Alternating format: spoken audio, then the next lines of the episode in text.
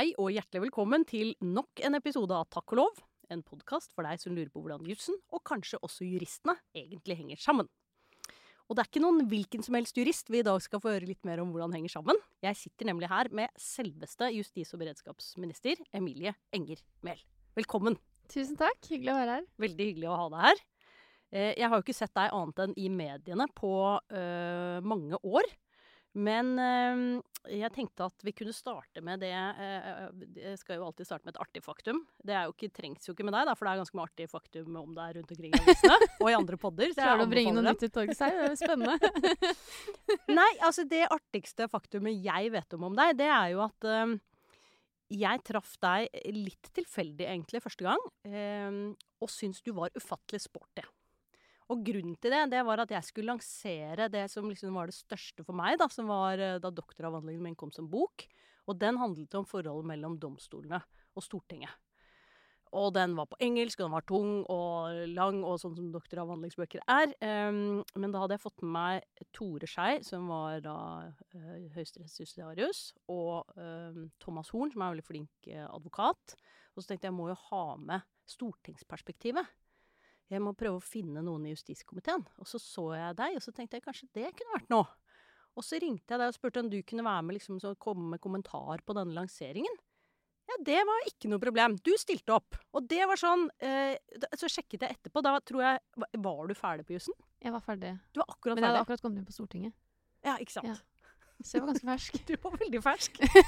Ja, veldig gøy, da. Dette var i 2018, tror jeg. Ja, Ja. 17 eller 18 Ja. må det ha vært. Ja. Ja, jeg ble bare ufattelig imponert, fordi ikke bare stilte du opp, du gjorde en veldig god jobb. Og det å liksom være ung og fersk jurist, helt ny på Stortinget, og representere hele Stortinget med med Høyesterett så godt representert, det kan jo være litt skummelt. Det bar du ikke noe preg av. Det setter jeg pris på. det var jo hyggelig å høre. Jeg, jeg husker at jeg syntes det var litt skummelt. Ja. Men hvis jeg klarte å, å skjule det, så er jo det Det tar jeg med meg, det. Ja, du, det gjorde du, og det er jo ikke noe galt i å synes at ting er litt skummelt hvis man klarer å gjøre det rimelig bra likevel. Så nei, det syns jeg var Og det, det andre artige faktumet fra den eh, historien der, det var jo vi var ute og spiste etterpå en, del- en hel gjeng. Og da ble du sittende til bords med uh, min sønn, som da var Nå skal vi se, kan han ha vært ti? Ja, jeg tror han må ha vært sånn ti-elleve ja. eller noe sånt. Han eh, har jo alltid vært fast bestemt på å bli bonde, og var ikke så vant til å møte noen fra det han opplevde som Oslo-eliten, som kunne snakke om landbruk, men det kunne du. Den samtalen husker jeg veldig godt. Det var jo kjempegøy å Ja, møte han også. Er så hyggelig. Og, og høre hans sterke engasjement for bygda og for landbruket. Ja. Det, er, det, er, eh, det, det var eh, Det gjorde seg inn i hele familien. Så det var bare Takk for det. Jo, takk i like måte. Du, eh, det har jo vært mye fokus på at du er eh, ung. Du er jo ung til å være justisminister. Eh, Du ble ferdig med jussen relativt eh, fort. I- dette har jeg tenkt på og registrert, sånn, litt sånn i sidesyn. Ikke tenkt så mye mer på. eh, bare tenkt at du er ung, men det, sånn er det, er flott, liksom. At unge mennesker holder på med ordentlige ting. Men da jeg så at din mor er født samme år som meg, da følte jeg meg plutselig gammel. Føl- Føler du at jeg er veldig gammel? Nei. Nei. Jeg har jo alltid syntes at, jeg har veldig unge foreldre. Ja, det, Og det syns jeg fortsatt. Ja, men det er fint. Ikke sant? Så- Jeg er omtrent som mine unge foreldre. Dette liker jeg. Så, så det Nei, det syns jeg absolutt ikke. Nei, så bra. Um, vi eh, må jo snakke om noen sånne saker, og eh, det skal vi komme til. Men jeg tenkte kanskje først, for dette er jo en sånn uh, jusspod hvor vi lurer på ikke bare innholdet i jussen, men også disse juristene som driver med den jussen. Uh, hvordan blir man justis- og beredskapsminister? Nei, eh, det vet jeg ikke om jeg har noe fasitsvar på. Det er ikke bare én Nei. oppskrift der, kanskje? Det, det er eh, en stor tillitserklæring fra de som spør deg om du ønsker å være det. Og eh, det var jo ikke noe som jeg hadde planlagt, i hvert fall. Nei. Eller som, eh, som man kan planlegges, kanskje. Eh, så for meg så har det jo opp gjennom årene bare vært veldig gøy å jobbe, generelt. Ja. Jeg har alltid likt å lære meg nye ting, og for eksempel på jussen, da. Ja. Så syntes jeg det var veldig gøy når jeg liksom fikk satt meg ned med et fag, da, og gått skikkelig inn i det, så blir du sånn blir sånn barnslig engasjert. Ja, okay, så liksom sånn Du er ikke blant dem dem som gøy. syns at studiet var kjedelig, du? eh, Nei, jeg syns ikke det var kjedelig, men eh, jeg gjorde det litt på min egen måte sånn rent praktisk. Fordi eh, eh, jeg syns kanskje Skal gikk jeg vokte mine ord her? treigt, var det det du sier? Nei, men Eh, Foreleseren var så dårlig? Men, eh, men, eh, men, eh, men eh, Nei da, jeg la opp dagene våre litt annerledes enn Ja. det som var lagt opp til. Men, eh, men selve det faglige innholdet og det å lære seg noe og bli god på ting, det er gøy. Det, gikk, tok du det fortere enn Forserte du, eller? Det så litt sånn ut da jeg begynte å lese på årene her. Eh, ja, det gjorde jeg litt Eller de, på slutten. Ja, for da ble, hva, Hvorfor det? Ble du så ivrig etter å bli ferdig og komme hjem på Stortinget, eller hva? Eh, altså, det var litt delt. Det Ja. var eh, Jeg tror jeg tok de to første avdelingene van, eller på normert tid. Og så um, tenkte jeg liksom et, et, eh, en, et høstsemester at jeg kan jo prøve å ta noen flere fag. Og, sånn, meld, fordi du, jeg, det var i hvert fall sånn da at jeg tror du kunne melde deg opp, og så kunne du melde deg av inntil to uker før Ja. eksamen skulle være. eller noe sånt. Ja, dette kan ikke jeg lenger. Jeg tror det. Så jeg tenkte sånn, det er jo på en måte du kan jo melde, Men oppmeldingsfristen er tidlig. Ja. Så du må liksom bestemme deg for å prøve ja. tidlig på høsten. Så hvis du ser at det kommer nærmere, og du ikke tenker at det går, Så, har du så kan du ta en exit Ja, sånn, ja. i tide. Eh, eh, men når du kommer nærme den exiten, da blir det et nederlag å ikke få det til. Ok, Så- her begynner vi å nærme oss. Jeg hørte på den, hørte på den eh, Du var med i den podden til, eh, til Brenna og Eia, eh, denne personlighetstesten. For du er ganske, du er ganske sånn eh, Når du setter deg noen sånne mål, så gjennomfører du. du har, det er litt sånn konkurranseinstinkt. Jeg kan ikke alle de der psykologiske kategoriene deres, men Ja, så jeg tror det i hvert fall er en konkurranse mot meg selv. Jeg har ja. ikke så behov for å konkurrere mot andre, egentlig. Nei. Og det var vært, særlig på jussen så tenkte jeg ofte på det, fordi der er det jo I hvert fall i noen deler av eh, studentmiljøet, føler jeg. veldig Veldig konkurranse konkurransepreget. Ja. Og, og det prøvde jeg å forholde meg lite til, egentlig. Men, eh, men eh, det er gøy å måtte vinne over seg selv, da. Ja. Og sette seg mål som eh, Ja, man kanskje ja, Jeg er spent på om man klarer, men man klar, får jo til det man vil ofte. Hvis man går inn for det, tenker Ja, jeg. det- det er liksom Noen gjør det, det er helt sant. Men det er interessant at du sier det der, for det har jeg aldri tenkt på. Men det er jo Jeg driver også bare og konkurrerer med meg selv alltid, ja. Sånn Ja, men det kan jo være ganske krevende. Det kan det, og så må man jo Man må ikke la det gå liksom helt i eh, over styr. Alle har, altså, det, alle har jo begrensninger, på en måte. Men, eh, men jeg får jo veldig mye glede av å oppleve mestringsfølelse. Ja.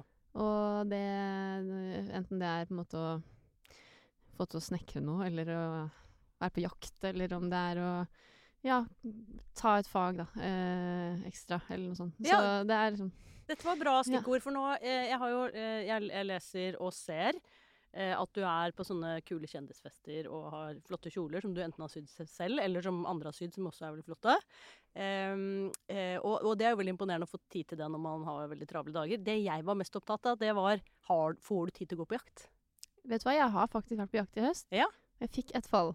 OK? Så jeg har Jeg var var ganske eller? trøtt den helga. Det var regn. er det regn? regn. Hvor er du på regn? Er det I Trollheimen? I Skjåk, ja. i Breheimen. Ja, nettopp. Så det er i Skjåk allmenning. Så Ja. det har vært eh, Det var femte året jeg var- der, og ja, jeg prøvde å blokke ut noen dager. eh, Eller noen helger, da. Ja. I høst. Og jo nærmere det kom, jo mørkere så det ut. men, men jeg kom meg i hvert fall opp eh, på fjellet. Og fikk noen, noen veldig fine dager på, samme jaktlaget mitt, da. Ja. Som består av et par, en venninne og, en venn. En venninne og en venn, så dere er tre stykker. Vi er tre stykker. Det er jo en ganske krevende jakt. Det er langt å gå og langt å bære og Men det er fantastisk, og det har vært så viktig å, eh, å, å ta seg tid til å være ute i naturen, og ikke minst bli sånn skikkelig sliten. Ja. Du, jakter, jo- jo selv, gjør du ikke det? Jo, jo, så jeg det der med det. å gå langt med tung sekk og sliter seg opp i grålysninga opp en bratt fjellside, eh, det, er, det er helt magisk. Også på reinsjakt så har vi jo Viktig del av jakta er jo å ta kaffepause for å kikke etter rein. Det er bare å sitte ute av vinden og se og se. Nei, men jeg, den dagen jeg fikk fall, da var det litt sånn Vi hadde Jeg hadde ikke fått reist fra ganske seint fredag eh, fra byen fra Oslo. Og det er jo fem-seks timer å kjøre, og så skal jeg innom hjemme og hente eh, ting man trenger for Ja. jakt. og, og neste morgen så var det på en måte ja, ut, ut og tidlig, da. Og da, da kjente jeg at det, det hadde vært en ganske lang uke. og jeg ha, hata lite grann da jeg gikk oppover bakken der. Så kom, jeg, kom vi opp på toppen av et par timer å gå i motbakke først. Og så kom vi opp på toppen, klokka var sikkert åtte eller noe, og jeg tenkte sånn Å, nå gleder jeg meg bare så fælt til å sette på den kaffekjelen. Første vi så, var selvfølgelig regn. så da var det bare å se langt etter den, for da må man jo gå etter, ja, ikke sant? Hvis du skal ha noe sjanse.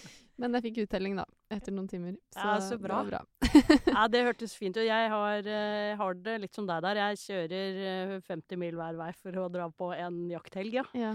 Det tror jeg lurte på om jeg fikk på en ekstra dag denne høsten her. Men eh, Ja. det er jo verdt det. Hvordan har det gått med deg, da? Det gikk fint. Så bra. Det var eh, Jeg f- er et par år yngre enn de andre jentene, så jeg får alltid gleden av å sitte på den øverste posten. Ja.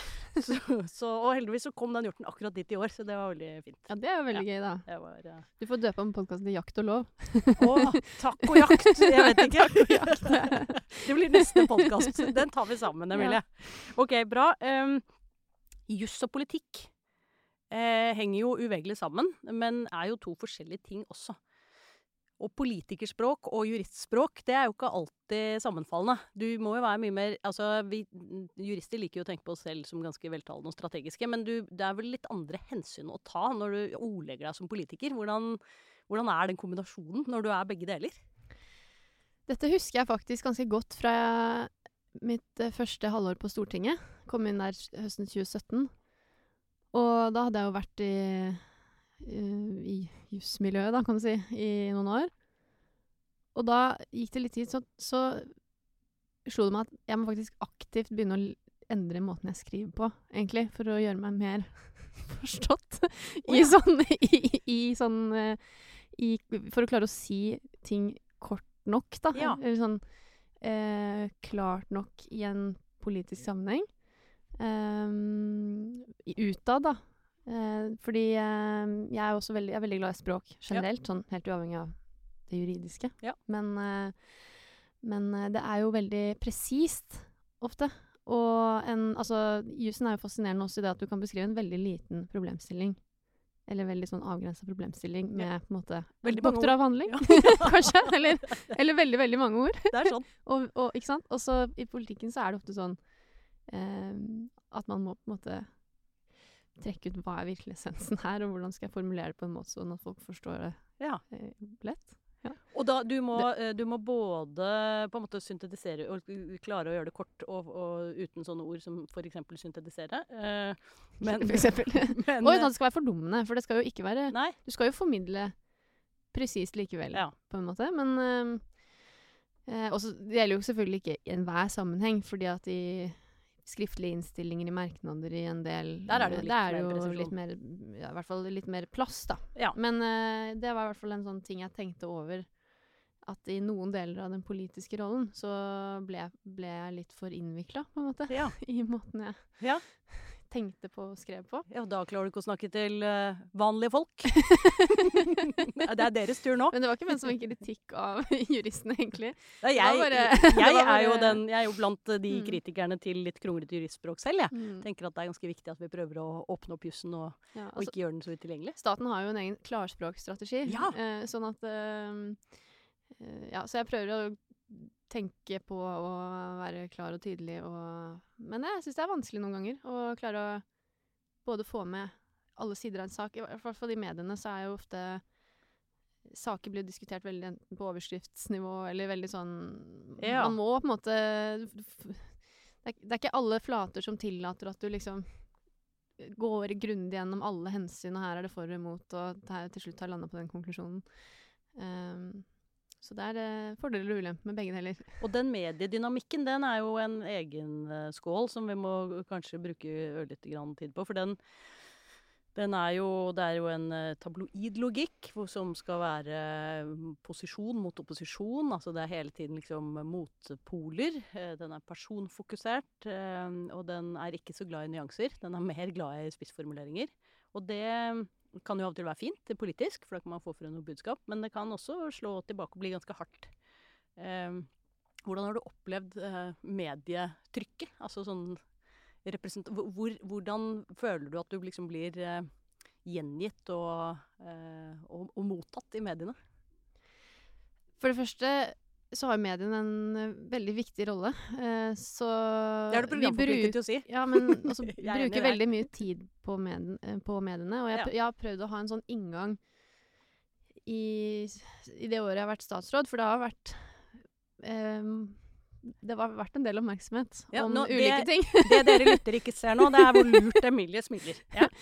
Og, um, men jeg har i hvert fall hatt en sånn tanke da, om at jeg ønsker å være en tilgjengelig person. Sånn at for eksempel så får vi mange hen- henvendelser skriftlig. eh, vi får en, Særlig hvis det skjer en hendelse, så er det et veldig stort informasjonsbehov der ute, som jeg alltid prøver å gjøre meg tilgjengelig for. Men det er jo noen ganger bare spørsmål om hva som er rent mulig å få, at få til sånn tidsmessig. Ja. Men eh, så er det jo av og til at eh, debatter enten kan bli veldig skarpe, eh, eller man kan få sånn saker eller overskrifter som jeg ikke kjenner meg igjen i. Ja. Eller som jeg, hvor man selv blir fremstilt på en måte som er sånn jeg ikke kjenner meg igjen i. Det syns jeg er litt ubehagelig. ja, det skjønner jeg. Det er, eh, men det er jo ikke Det er jo noen få saker som er sånn, eh, av, all, av alle de gangene man er i media i løpet av en uke eller en, en måned eller et år, Ja. da. Um, men det har jeg tenkt på at eh, Jeg er ikke så glad i å bli framstilt feil, eller ja, at det, de, eh, debatter eller diskusjoner liksom tar tar, eh, tar en eller annen voldsom retning på bakgrunn av noe som, som ikke stemmer helt. Ja, det skjønner jeg. Og det, er jo, Mm. det ligger jo på en måte i medienes maktkritiske rolle. At eh, Mm. de skal hele tiden være på vakt og, og prøve å, eksponere ting og, og avdekke misligheter. eh, Så det er jo på en måte veldig positivt. Samtidig så får du jo av og til noe noen, noen sånne nedsider. Da. For det eh, som du beskriver her, er jo at eh, det, er, det er absolutt ikke alle saker, men det er noen sånne saker, og de er ganske ubehagelige. Men det er jo noen av de etatene du eh, har ansvar for som eh, overordnet og statsråd, som, som nesten bare får negativ eh, eksponering i pressen. Eh, F.eks. politiet. Det er en sånn hashtag nå på Twitter som er 'Bjørnland må gå'. Det blir ganske personfokusert. Disse Disse etatlederne som sitter under deg, og som på en eller annen måte er, er ditt ansvar sånn helt på toppen. eh, hvor, hvor mye føler du på det?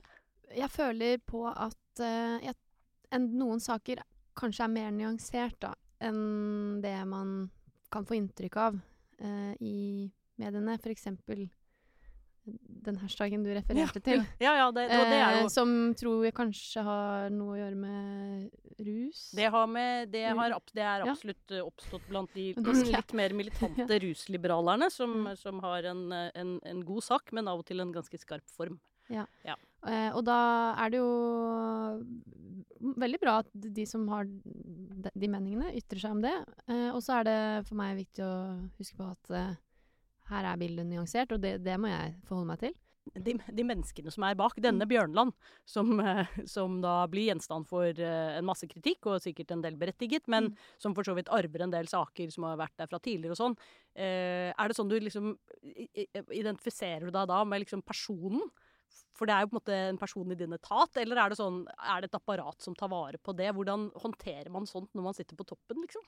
Jeg, jeg uttrykker jo at jeg Min tillit. Eh, Ja. Jeg har eh, jeg har full tillit til politidirektøren, og det har vært flere sånne situasjoner opp gjennom eller det siste året, hvor eh, det kan være kritikk mot en underliggende etat eller en, en del av sektoren, og så, og så kommer jo spørsmålet opp til meg eh, til slutt. Og, og da er det jo å behandle det på en ryddig måte. Ja. Em, et eksempel som vi har diskutert mye siste året, er jo denne, det nye rundskrivet fra Riksadvokaten eh, til politiet Ja. om eh, ulovlig tvang, tvangsmiddelbruk og ransakelsespraksis. Og det har jo generert mye debatt. Eh, og da har det vært viktig for meg å eh, være sikker på at både Riksadvokaten og politiet tar det, oppfølgingen av dette på største alvor, og at, vi gjør, at det gjøres tiltak for, eh, for å unngå at det samme kan skje igjen. Ja. Em, og så Og det mener jeg er ryddig og bra, og det har jeg tillit til at de gjør. Eh, og så blir jo det på en måte også litt en del av en større debatt som kanskje egentlig handler om hva, hva slags rammer skal vi ha for ruspolitikken i Norge, som er litt på siden, Ja. men, men som kanskje rører litt ved de samme miljøene, da. Eh, en som måtte gå, var jo PST-sjefen din. Eh, hvor, eh, hvordan eh, håndterer man det som liksom, øverste statsråd? For der hadde du også lenge tillit, og så ble det eh, økende trykk både fra VG og fra opp opposisjonen i Stortinget. Eh, og så på et eller annet tidspunkt så kan ikke den tilliten opprettholdes, og så går han av. Men eh, var I det tilfellet så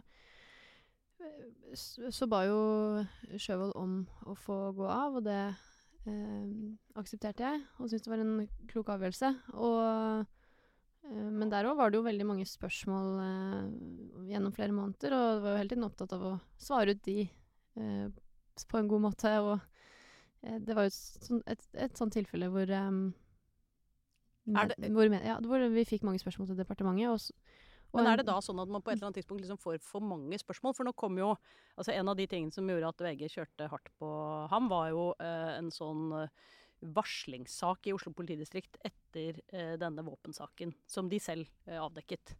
Um, og så kom jo uh, konklusjonen på den granskningen av den varslingssaken kom jo nå. Og der er det jo veldig tydelig at han ikke var noe å klandre i det hele tatt. Dette var jo noe som primært var et problem i Oslo politidistrikt, eh, og som eh, også hadde forgreninger etter at han gikk av. Mm. Så sånn sett så fremstår han litt sånn collateral damage i en situasjon hvor det ble veldig mye press da, til departementet. Um, eh, burde han egentlig latt være å gå, kanskje, eller? Jeg forholder meg til sånn som det ble, og det valget han tok. Og så syns jeg jo også det er på sin plass å si at dette er jo en, en mann som har gjort en veldig stor innsats for norsk politi over veldig mange år. Det er jo viktig å få sagt også. Ja. Det er noe jeg også gjorde den gangen. Eh, men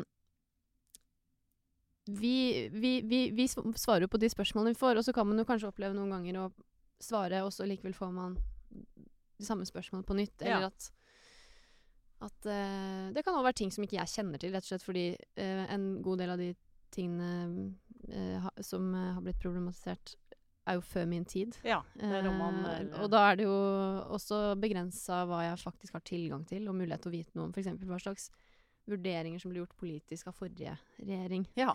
Eh, så, det, så det er jo noen, noen begrensninger i hva jeg har eh, reelt sett mulighet til å bidra med da, i, i saken. Ja.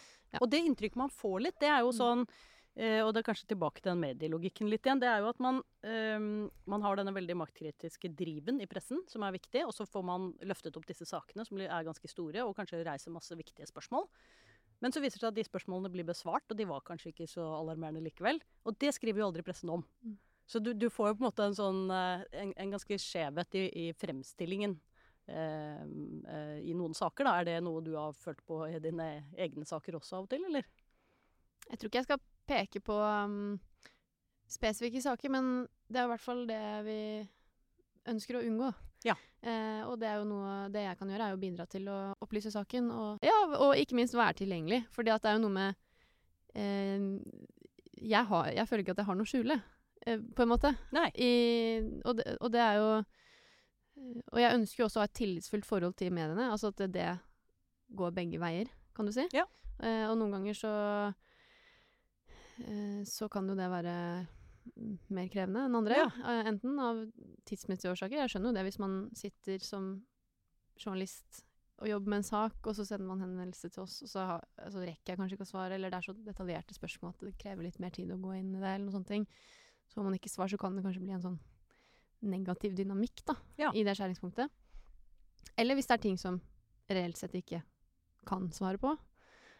Men ehm, Det slår meg at mye av Mm. denne samtalen vår egentlig handl eh, har handlet om kommunikasjon, uten at jeg egentlig hadde Ja. tenkt så mye på det. Jo, men jeg tenker det er ganske Ja. viktig, da. Du er jo veldig eh, Det må jeg si, du er flink til å ordlegge deg. Du er Altså, du sa du var opptatt av språk. Du er flink til å ikke si for mye, men å samtidig si noe substansielt. Jo, takk for det. det ikke så var hyggelig å høre. Nei, men jeg er jo um, Jeg er veldig bevisst på hva jeg sier til enhver tid, og det er uh, jo fordi at hvis jeg sier noe som er feil, så har det en større betydning nå enn det ville ha hatt hvis jeg ikke var statsråd. Ja. Eh, og, og ikke minst dette med at i, den, i det mediebildet vi er en del av, som eh, Noen ganger så så tenker jeg at det er veldig mye mer nå som må være sensasjonspreget. Eh, fordi hver eneste sak er en overskrift på en desk eller på forsiden av et mediehus enn Mm. det var før. Da var det liksom papiravisa, og du hadde en forside med et eller annet som skulle selge avisen. ja. Um, men um, det er også noe med å ja, klare å ja, Det er mange hensyn man skal ta i, i kommunikasjonen. Altså klare å ta, være tydelig på politikken og vise retning og være opplysende. Uh, være hensynsfull. Uh, ja, det er veldig mange ting som må inn i, i det, da. En av de, en av, et av de motivene som jeg har vært opptatt av, som jeg også holdt på litt med den avhandlingen som du da lanserte for meg, ehm, det er jo forholdet ikke bare mellom juss og politikk, men mellom juss som eh, frirom fra politikk, altså de rettighetene vi har igjen som borgere, eh, og juss som styringsverktøy, altså vår mulighet til å sikre alle de tingene som skal på plass i samfunnet. Eh, og det er jo liksom styringsjuss, rettighetsjuss, en slags sånn dikotomi. Men mm, en ting som har opptatt meg de siste årene, er eh, hvordan de, de menneskene i Norge som tenker mye på sikkerhet, som du nå har ansvaret for eh, som justis- og beredskapsminister, og de som tenker mest på frihet, som er røkla, oss andre, eh, at de to sfærene ikke alltid eh, har så god forståelse for hvordan den andre tenker.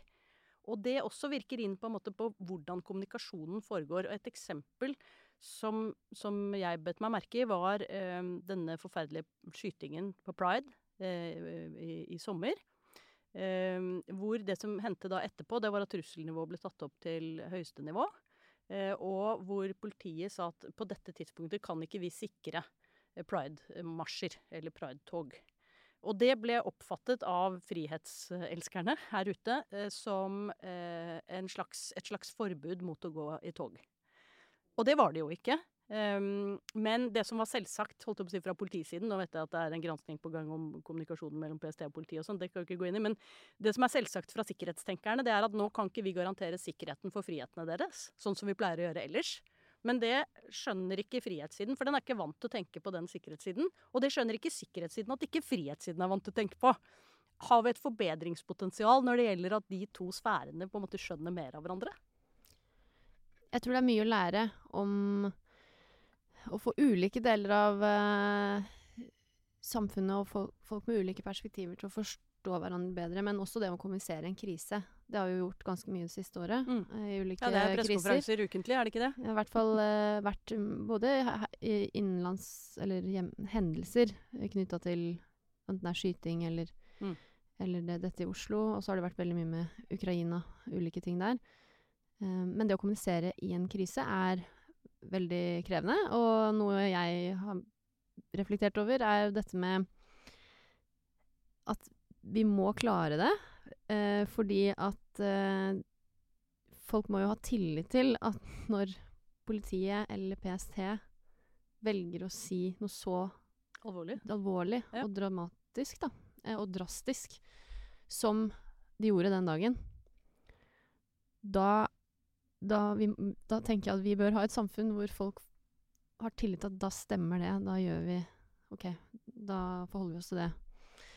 Eh, og mm, der tror jeg vi har noe å lære, da, etter den hendelsen særlig. Men det er jo krevende, fordi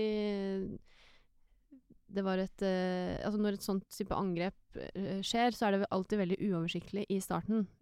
Og særlig da. Det var midt i Oslo sentrum. Det var en natt til lørdag. Masse folk var ute. Og mm, flere hundre vitner. Ikke sant. Det er en veldig kaotisk situasjon. Dagen etter skulle det være pride. Um, og um, og du skal gjøre ganske eh, presise og gode vurderinger av hva som er rett å gjøre også i politiet og PST, og for oss for så vidt, eh, Ja, ja. raskt.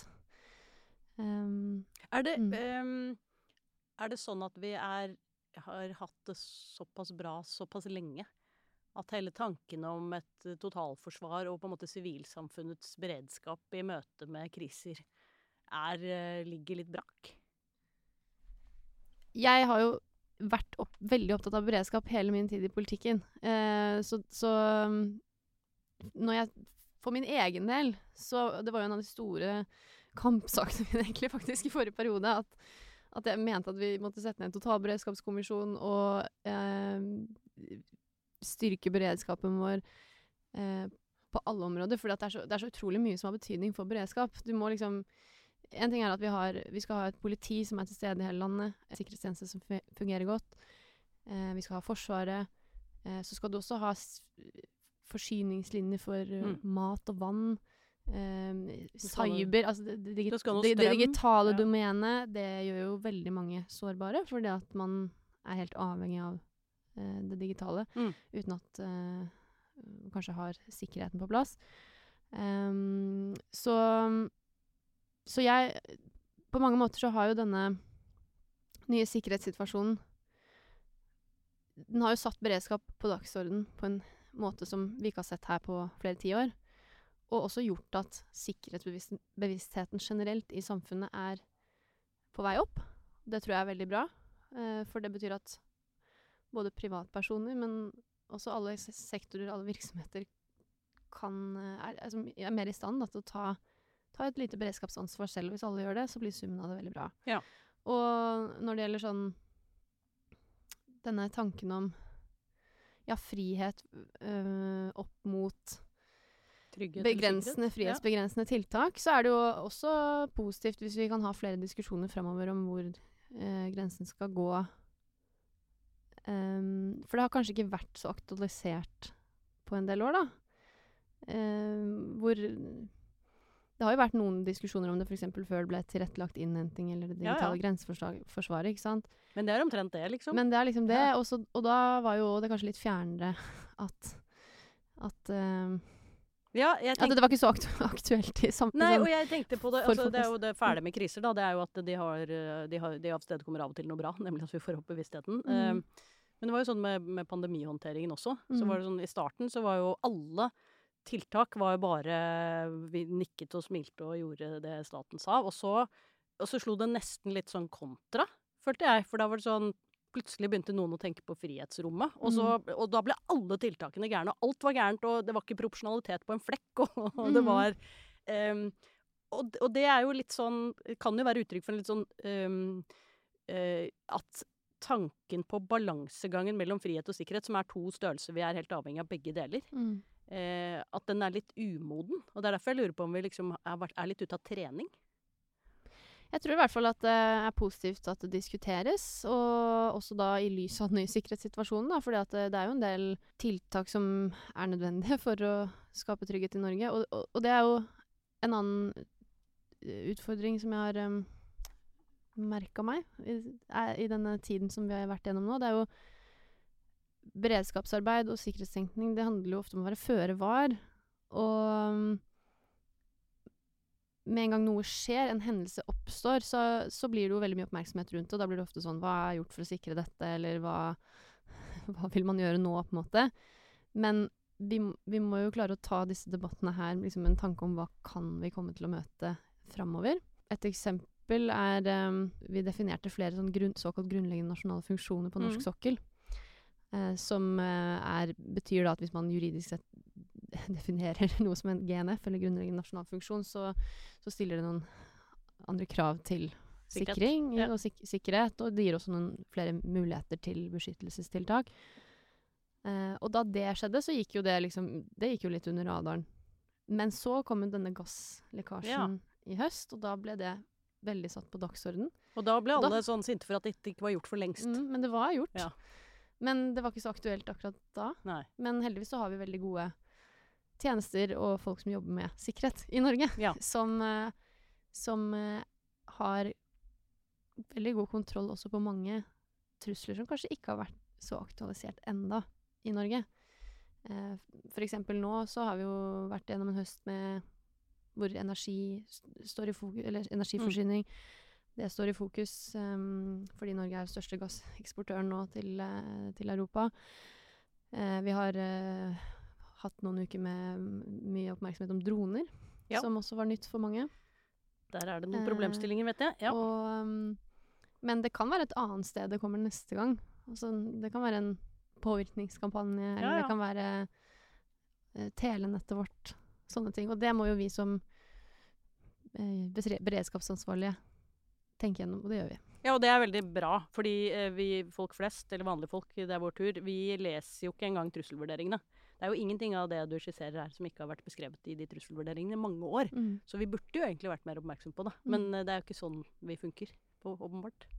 Nei, og det Eller eh, Vi hadde jo en sak som jeg jobba mye med selv altså på Stortinget. Det var jo Bergen Engines-saken. og det er jo et eksempel på at for å forklare den veldig kort, så eh, var det spørsmål om eh, Bergen Engines, fabrikken som eh, leverer motorer bl.a. til en del forsvarsskip, eh, skulle kunne selges til eh, russiske eierinteresser. Jeg mente jo på det tidspunktet at det var veldig Dumt. lite lurt å gjøre det, blant Ja. annet fordi at trusselvurderingene fra PST eh, pekte på at øk altså økonomiske virkemidler kan også brukes for å få innflytelse i Norge. Selv om det egentlig ser ut som et lovlig formål og en del av næringslivet, så kan eh, trusselaktører, f.eks. Russland eller Kina, bruke det over tid for å få innflytelse, eller skaffe seg strategiske eh, midler. Og så ble det salget stansa, heldigvis, tenker jeg, nå. Men, eh, men den saken er jo også interessant å se liksom, i, i lys av det som skjedde. Ja, for det fremsto jo nærmest som en tilfeldighet at den saken ble stanset. Det, jeg er i hvert fall glad for at vi hadde Altså, så stor ja. det var ikke meningen å underkjenne din innsats, men, uh, men eh, når man er avhengig av intervensjon på det nivået som den saken ble, så er det jo, tyder jo på at eh, det ellers hyllede sektorprinsippet kanskje av, viser noen svakheter, da. At man Jeg synes ikke Jeg syns i hvert fall det er interessant at den saken den ble stor i Stortinget. Vi hadde en stor høring. Eh, og det var, i, det var på våren 2021, så det var jo mindre enn ett år før invasjonen av Ukraina. Eh, og på det tidspunktet så, så diskuterte vi jo den saken på en måte i et helt annet En helt annen sikkerhetssituasjon annen ja. i en helt annen verden. Eh, og hadde en veldig bred debatt om beredskap og om eh, ja, hvilke om, om sammensatte virkemidler, egentlig. For det er jo det det er. Sånn Mm. hybride trusler. Det er At det. lovlige formål kan brukes til ulovlig, ulovlig aktivitet. Og det er jo det som gjør det så krevende å avgrense òg. Ja, takk. Da er, vi tilbake på den, eh, da er vi tilbake på denne frihet versus andre ting. Som, det var jo kommet spørsmål også tidligere. Skal vi forby alle nordmenn å fly drone? Fikk jeg spørsmål om en gang. Eller sånn Mener du at man burde det? Var det en journalist som, som spurte meg. Eh, fordi at eh, det kunne jo vært Altså, det hadde jo vært effektivt. Ja, ja. Eh, eller alle Det var fordi det var så mye dronehendelser, og da var det Burde vi ikke bare innføre nå liksom full stopp i all Ja. droneflyvning? Og det er i hvert fall sånn som man må vurdere noe nærmere, da. Før, ja, det er litt sånn man tenker at det er lurt. Det svarer ja største. Mm. kriminalitetsproblemet vi har, er vold i hjemmet. Kan vi ikke bare ha videoovervåkning av alle rom i alle hjem 24-7? Mm, Det, det, vil jo eh, virke begrensende. Det er nettopp Men det var noen frihetsgreier som ble borte på veien der. Ja. Så vi må Og noen ganger i Nå har vi snakket veldig mye om medier og kommunikasjon, men det er jo det at Av og til så prøver jeg også å tørre å si sånn Det må vi faktisk komme tilbake til. Fordi at det kan være et spørsmål som ikke er helt modent for å svare klart på. Altså rett og slett. Ja. Eh, oh, men det er en nydelig jeg- avrunding. For det du egentlig da Ja. gjør, det er jo at du som politiker så bruker du det virkemidlet som jurister alltid kan bruke, nemlig eh, 'det kommer an på'. Eller at Mm. du må ta noe forbehold innledningsvis før du uttaler om saken. mm. det er en veldig fin avrunding. Em, tusen takk, eh, Emilie. Dette var, eh, det var Det er så mange baller oppe i luften her som vi kunne ha holdt på med lenge. Men eh, jeg skal ikke ta opp mer av tiden din. Du, Oi, har vi, er vi ved veis ende allerede? Ja, så- ikke så fort! Sånn er det. Tiden flyr når man har det moro. Det var hyggelig. det er veldig bra. Men vi, vi inviterer alltid gjestene våre, og nå er du så statsråd, så så det er kanskje ikke så mye du kan dele, men noe kanskje i, denne lille spalten vår som, er, som heter 'Har du hørt?' Og da tror jo folk at de må være veldig artige. Det trenger man ikke. Det kan være bare noe rart eller noe, et eller annet du tenker at uh, de som lytter på denne podkasten, burde ha hørt. Du var jo inne på vold i hjemmet så vidt ja. uh, på slutten der. Men uh, i dag er det faktisk eh, FNs internasjonale dag for å bekjempe vold mot kvinner. Ja, det er i dag, ja. Og det er eh, en veldig viktig dag, eh, fordi det er dessverre fortsatt sånn at eh, altfor mange kvinner blir drept, eller lever med partnervold, eller vold i nære relasjoner. Og det gjelder menn også, så vi skal ikke glemme de, men, men det er nå engang sånn at f.eks. i Norge er én av fire drap et partnerdrap, og de fleste ofrene er kvinner. Så regjeringen vil legge fram en opptrappingsplan mot vold i nære relasjoner. Så det burde du ha hørt. Burde jeg ha hørt. Det eh, blir veldig viktig, og det er et arbeid som, eh, som eh, betyr mye for meg. Og så er jeg også glad for at uh, vi skal sette ned en kommisjon som skal se på partnerdrap, sånn at vi kan gå enda mer inn i de bakenforliggende årsakene, uh, og klare å forebygge uh, de veldig grusomme handlingene hvor eh, folk eh, blir drept av de som de er aller mest glad i. Har du hørt? Ja, det var eh, svært viktige ting vi burde ha hørt. Tusen takk skal du ha. Og tusen takk for at du var med, eh, Emilie. Det har vært eh, både veldig interessant og veldig hyggelig. Tusen takk i like måte. Så bra. Hyggelig prat. Ja. Og tusen takk til dere lyttere som eh, var med oss på denne episoden. Eh, det er jo ikke hver dag man får en eh, julebonus av denne varianten her. Eh, og hvis dere er riktig snille frem mot jul, så kan det hende at det blir en julebonusepisode til. Takk og lov for det. Og her kommer det et eh, PS. Det er jo ikke så vanlig eh, i muntlig tale. Eh, da heter det ofte trappespøkelse, eller l'esprit. Det man kom, på, kom på på vei ut i trappeoppgangen at man skulle ha sagt. At vi skulle ha hørt. Og hva var det vi da skulle ha hørt, Emilie? Har du hørt at alle burde lagre minst ni liter vann hjemme hos seg selv som egen beredskap? Og eh, andre varer som man kan eh, lese om eh, på nett. Det er viktig. Hvis flere gjør det, så er hele samfunnet litt bedre rusta i en krise. Å, nå føler jeg meg at dette er så bra at vi måtte ha hørt det. For dette er sånn Jeg har nemlig lest det en gang i en brosjyre. Men det er jo ikke nok. Nei, så dette- dra på butikken etterpå. Du må, bare, du må ikke bare ha hørt det, du må gjøre det.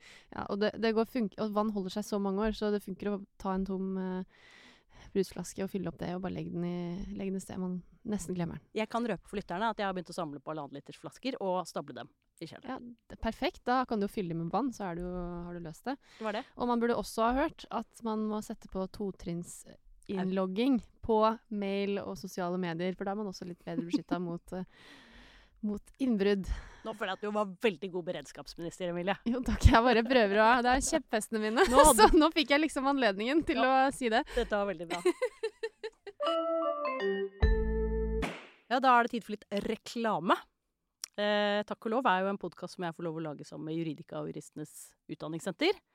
Og det de gjerne vil, det er jo at dere skal abonnere på tjenestene deres digitalt. Det er jo ikke så dumt, for da får du veldig enkelt og fleksibel tilgang til et stort juridisk bibliotek og til masse levende juss. Juridiske fagbøker, ajourførte blå lovkommentarer og nyheter, det er det Juridika som gir deg, og Universitetsforlaget.